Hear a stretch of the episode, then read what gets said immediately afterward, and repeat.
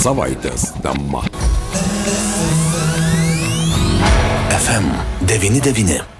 Sveiki, bičiuliai, studijoje prie mikrofono Liudas Armanauskas. Daugelio savivaldybių vadovų kadencija persirito į antrąją pusę, du metai prabėgo, prasidėjo tretieji. Ir štai šiandien mūsų eterėje savaitės temoje pakalbėkime, ar daug savivaldybių vadovų taiko savo aukštesnį skaidrumo standartą, kas ko gero kiekvienai bendruomenė yra labai svarbu, jo lab, jog nevyriausybinė organizacija Transparency International Lietuvos skyrius atliko tam tikrą tyrimą ir šiandien turėsime galimybę susipažinti su šio tyrimo rezultatais metais mūsų pašnekovas, Lietuvos skyriaus vadovas Sergejus Muravjovas. Labadiena, Sergejau. Sveiki. Ne vieną kartą esame kalbėję apie politikų skaidrumą, apie įvairius skaidrumo rodiklius, bet šiandien pakalbėsime apie tai, ką mes galime pamatyti viešoje erdvėje. Tai yra užsukę į bet kurios savivaldybės puslapį, mes galime pamatyti merą, vicemerus, administracijos direktorius ir žinoma jų darbo tvarkę. Tai štai, jūs atlikote specialų tyrimą ir kokie bendri rezultatai, kokios bendros jūsų išvados įžvalgos, o po to galbūt pabandysime ir pavaikščioti po pietų Lietuvą, pasidairyti po kiekvieną savivaldybę konkrečiai. Tai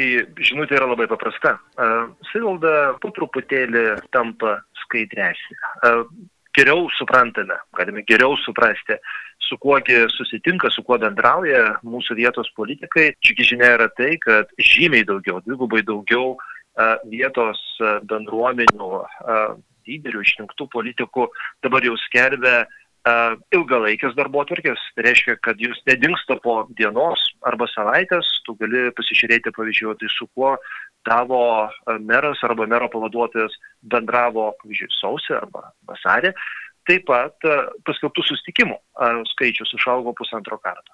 O tai reiškia, kad paprasčiausiai šiek tiek geriau žinome apie tai, kągi veikia mūsų vietos lyderiai. Na kągi, tendencijos geros, galima sakyti, kad po truputį to skaidrumo atsiranda daugiau. Bet, e, gerbiamas Sergejau, jeigu pažvelgsime į tas svetainės, kurios, na štai šį rytą nusprendžiau šios dienos perbėgti savivaldybių vadovų darbo tvarkės ir dažniausias, pradėkime nuo Lietuvos miesto. Čia dažniausia parašyta 8 val. 30 min. savivaldybės vadovų rytinis pasitarimas. Ir taip galima sakyti diena iš dienos, išskyrus galbūt šią dieną, nes štai mero darbo tvarkė šiandien yra ir gyventojų gyventojų prieimimas ir regiono plėtros tarybos susirinkimas. Palyginsime su kitų miestų, druskininkų mero darbo tvarkėje taip pat pasitarimas su vadovais, su kurorto asociacijos atstovais, pasitarimas investicinių projektų klausimais, panaši darbo tvarkė ir jo pavaduotojo rajono, Lazdijų rajono merės darbo tvarkė, gyventojų prieimimas, regiono plėtros tarybos susitikimas, susitikimas su savivaldybėmis Kauno mokesčių inspekcijoje, tarybos posėdžio teigiamus klausimus svarstymas. Na, o štai ko gero gero tokia gausiausia tai Alitaus rajono mero darbotvarkė, kurioje praktiškai kiekvieną valandą, pradedant nuo savivaldybės vadovų pasitarimo,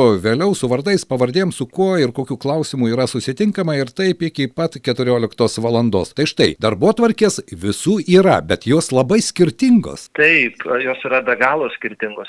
Liūdė, žiūriuosi, kad jūs papasakote, tai kaip jos atrodo, nes yra du dalykai, du svarbus dalykai. Pirma, Lietuvos miesto, Lietuvos rajono ir Lazdijų, Lazdijų rajono savivaldybių merų darbotvarkės yra ilgalaikės darbotvarkės. Jis yra na, nuolat pildomos ir niekur nedings. Tai yra labai didelis skirtumas a, a, palyginus su tuo, ką mes turime druskininkų savivaldybėje, nes ten a, meras, mero pavaduotojas skelbia savo darbo atvarkę, bet a, tu nematai testinumo. Jis tiesiog periodiškai atnaujinama ir mes tokių darbo atvarkių skelbiamų sustikimų a, paskaičiuoti ir negalėjome, nes sutikite, na, neįmanoma žinoti ir tai yra žymiai tikriausiai daugiau darbo teikti užklausas ir domėtis, o tai su kuogi meras bendravo, pavyzdžiui, kovą arba vasarį. Būtent dėl to ir skatiname visus merus, visus pavaduotojus, administracijų vadovus niekur netrinti tų pranešimų apie susitikimus ir palikti viską taip, kaip buvo prieš pusę metų arba metus. Nes ateis rinkimai, nebijoju, kad žmonės norės geriau suprasti, o tai kągi mūsų išrinktas politikas veikia. Ar mes turime dabar ir vėl tikėti pažadais, ar galime kažkaip suprasti, o tai kokie yra tie darbo rezultatai ir jeigu yra kažkokių tai klausimų arba abejonių, gali tiesiog geriau suprasti. Nes sutikite, geras politikas yra aktyvus ir skaidrus politikas. Antra, mes skaičiavome sustikimus, kurie buvo visų pirma su kitų kitų institucijų, kitų organizacijų atstovais. Neskaičiavome vidinių pasitarimų arba susitikimų su administracijų žmonėmis, nes, na, nėra aišku, ar reikia to taip vadinamojo baltojo triukšmo, tiesiog daug papildomos, galbūt ne visai svarbios informacijos, nes ir taip aišku, kad turi bendrauti ir spręsti vadybinius klausimus mūsų politikai. Žymiai įdomiau, man reikia, yra suprasti, o tai su kokiom verslo asociacijom arba su kokiom nevyriausybinėm organizacijom yra bendrauta ir ar buvo atsižvelgta į kuo platesnį žmonių nuomonių ratą. Nes kaip tik čia yra vienas iš esminių mūsų iššūkių, jūs tikriausiai žinote, nebijoju, kad žinote, kad Lietuvos gyventojai šiaip labai kritiškai vertina valdžios atstovų gebėjimą pasitarti. Ir mano, kad labai dažnai a, yra įsiklausoma į stambių interesų grupių nuomonę, bet a, paprastam žmogui išsakyti savo nuomonę arba patekti a, kažkaip arčiau sprendimų prieimimo nėra taip paprasta. Čia aš su jumis e, tikrai sutinku ir štai dabar, Sergejau, jeigu jūs atlikote tyrimą, mes galbūt galime šiek tiek iš jūsų gauti informacijos, vis dėlto e, savivaldybių vadovai, nuo merų iki administracijos vadovų, su kuo dažniausiai jie susitiko, jūs turite tą bendrą visos Lietuvos savivaldybių pjūvį ir įdomu su, aš kalbu apie tos išorinius susitikimus, ne vidinius darbinius pasitarimus, o būtent išorinius. Ar mes galime kažkaip susegmentuoti, su kuo daugiausia, na ir su kokiu e, sričių atstovais dažniausiai tie susitikimai ir vykdavo? Galime. E, politikai, administracijų vadovai dažniausiai bendrauja su verslu, verslo asociacijomis, e, verslininkais. Šiemet, e, palyginus su pernai, buvo žymiai daugiau susitikimų su medicinos atstovais, galbūt tai yra suprantama, nes menam pandemijos sąlygom. Taip.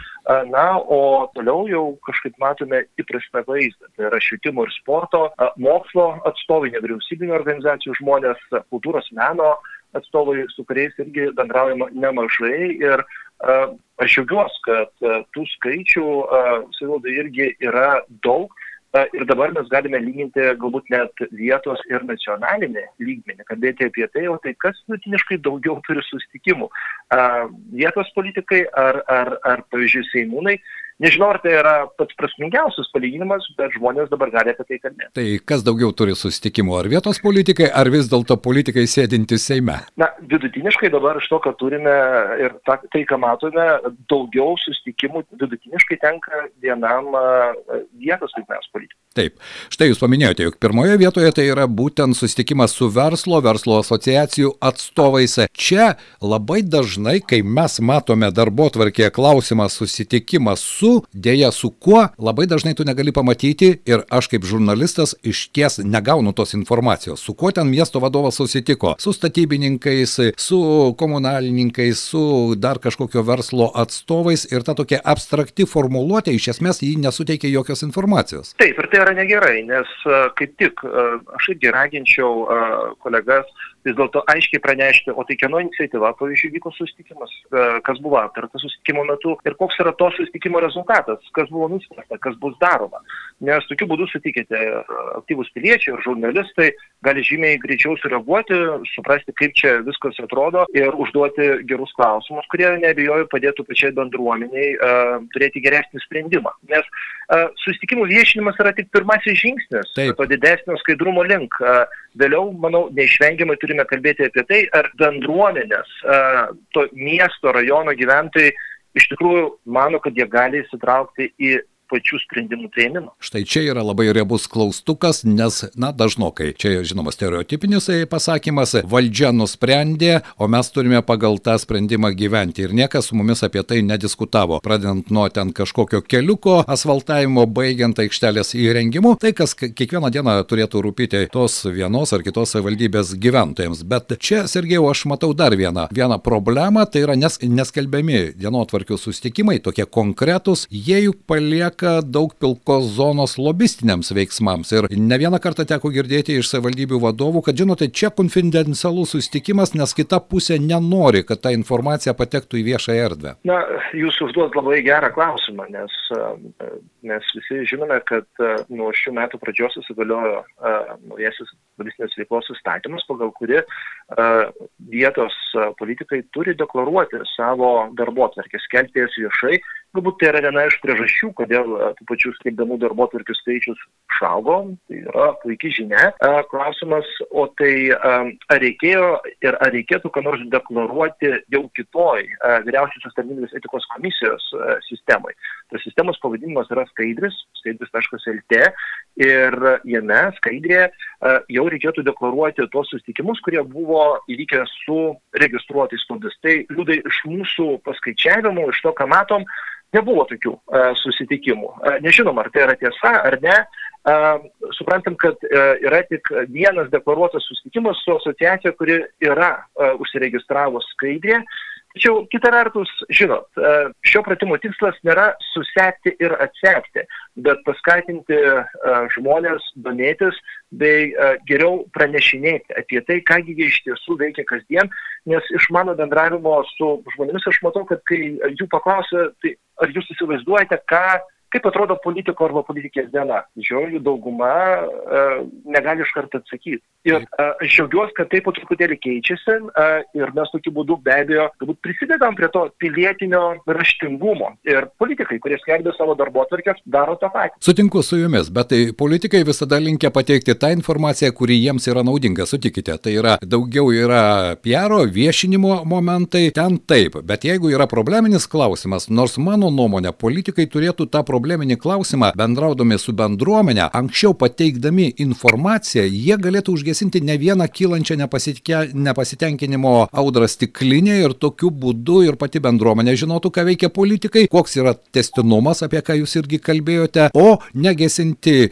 gaisro tiesiog ne ar perkeltinė prasme tada, kai jis įvyko. Be abejo, ir aš manau, kad visi politikai, e, savivaldos tarnautojai, kurie pradeda skelbti savo susitikimus, puikiai supranta, kad jeigu jau pradėjai, turėtų turėtum skelbti kuo įmanoma nuoširdžiau ir aiškiau, nes kitaip gali kilti klausimų, o tai kodėl deklaravai šitą, o ne kitą susitikimą.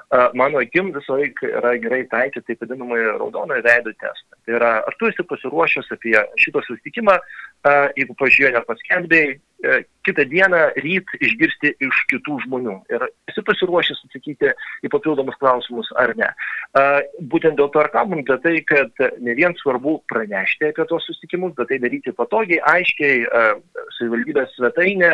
Būtų labai gerai, jeigu ta pati savivaldybė galėtų kasmet teikti kad ir trumpas, bet aiškias suvestinės, taigi kiek tų susitikimų buvo, bet tikslas vėlgi yra pamatuotas, pagristas sprendimų prieimimas. Būtent dėl to aš siūlyčiau kalbėti apie susitikimus kartu su jau su jumis aptartu dalyvaujamuoju biudžetu. Ir aiškiai skatinti žmonės įsitraukti į viešasis konsultacijas, jas rengti ir leisti žmonėms spręsti dėl savo savivaldybės, miesto, rajono ateities. Ko gero, tai yra procesas, kuris dar eina, tikiuosi, kad gera linkme to skaidrumo standartai kyla, politikai taip pat ima suprasti, jog apie tai reikia kalbėti. Ir vienas iš dienotvarkės viešinimo klausimas, tikiuosi, kad tai nėra tas formalus, nors pažvelgus į kai kurių politikų dienotvarkės, tai e, mato matosi, kad taip yra reikalavimas, galiojantis įstatymas, mes dabar jį vykdome, rašome tą formuluotę, kuri copy-paste keliauja iš dienos į dieną ir dėja iš to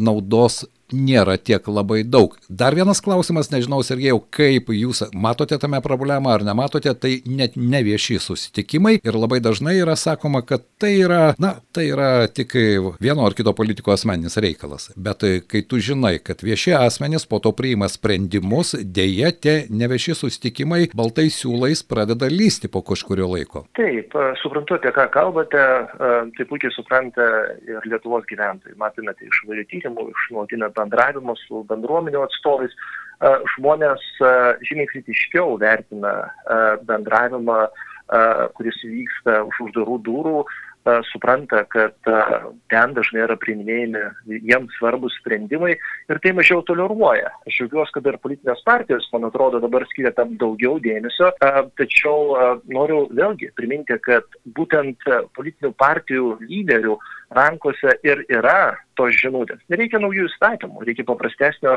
ir aiškesnio susitarimo, kad a, mes kaip politikai, sprendimų prieimėjai, vengiame interesų konfliktų, a, deklaruojame apie savo interesus interesus, padarome tai laiku. Ir aš džiaugiuosi, kad kolegos vyriausiai tarnybinės etikos komisijai, kuri prižiūri interesų deklaravimą Lietuvoje, supranta, kad na, dabar atsiradus Pinrevui, tokiai sistemai, kurioje reikėtų deklaruoti visus savo interesus, galima prieiti prie žymiai daugiau duomenų ir padaryti taip, kad a, mes iš principo jau šią vasarą, rudenį galėtumėm geriau ir aiškiau suprasti, o tai kurios įstaigos deklaruoja interesus geriau, kurios tai daro prašiau, kuriem politikam reikėtų į tai atkreipti daugiau dėmesio. Na ir mano akim iš principo bendra taisyklė turėtų būti tokia, kad visi oficialūs susitikimai turėtų vykti oficialiuose patalpose, savivaldybei kažkur kitur, neturėtų būti registruojami, apie juos turi būti pranešta.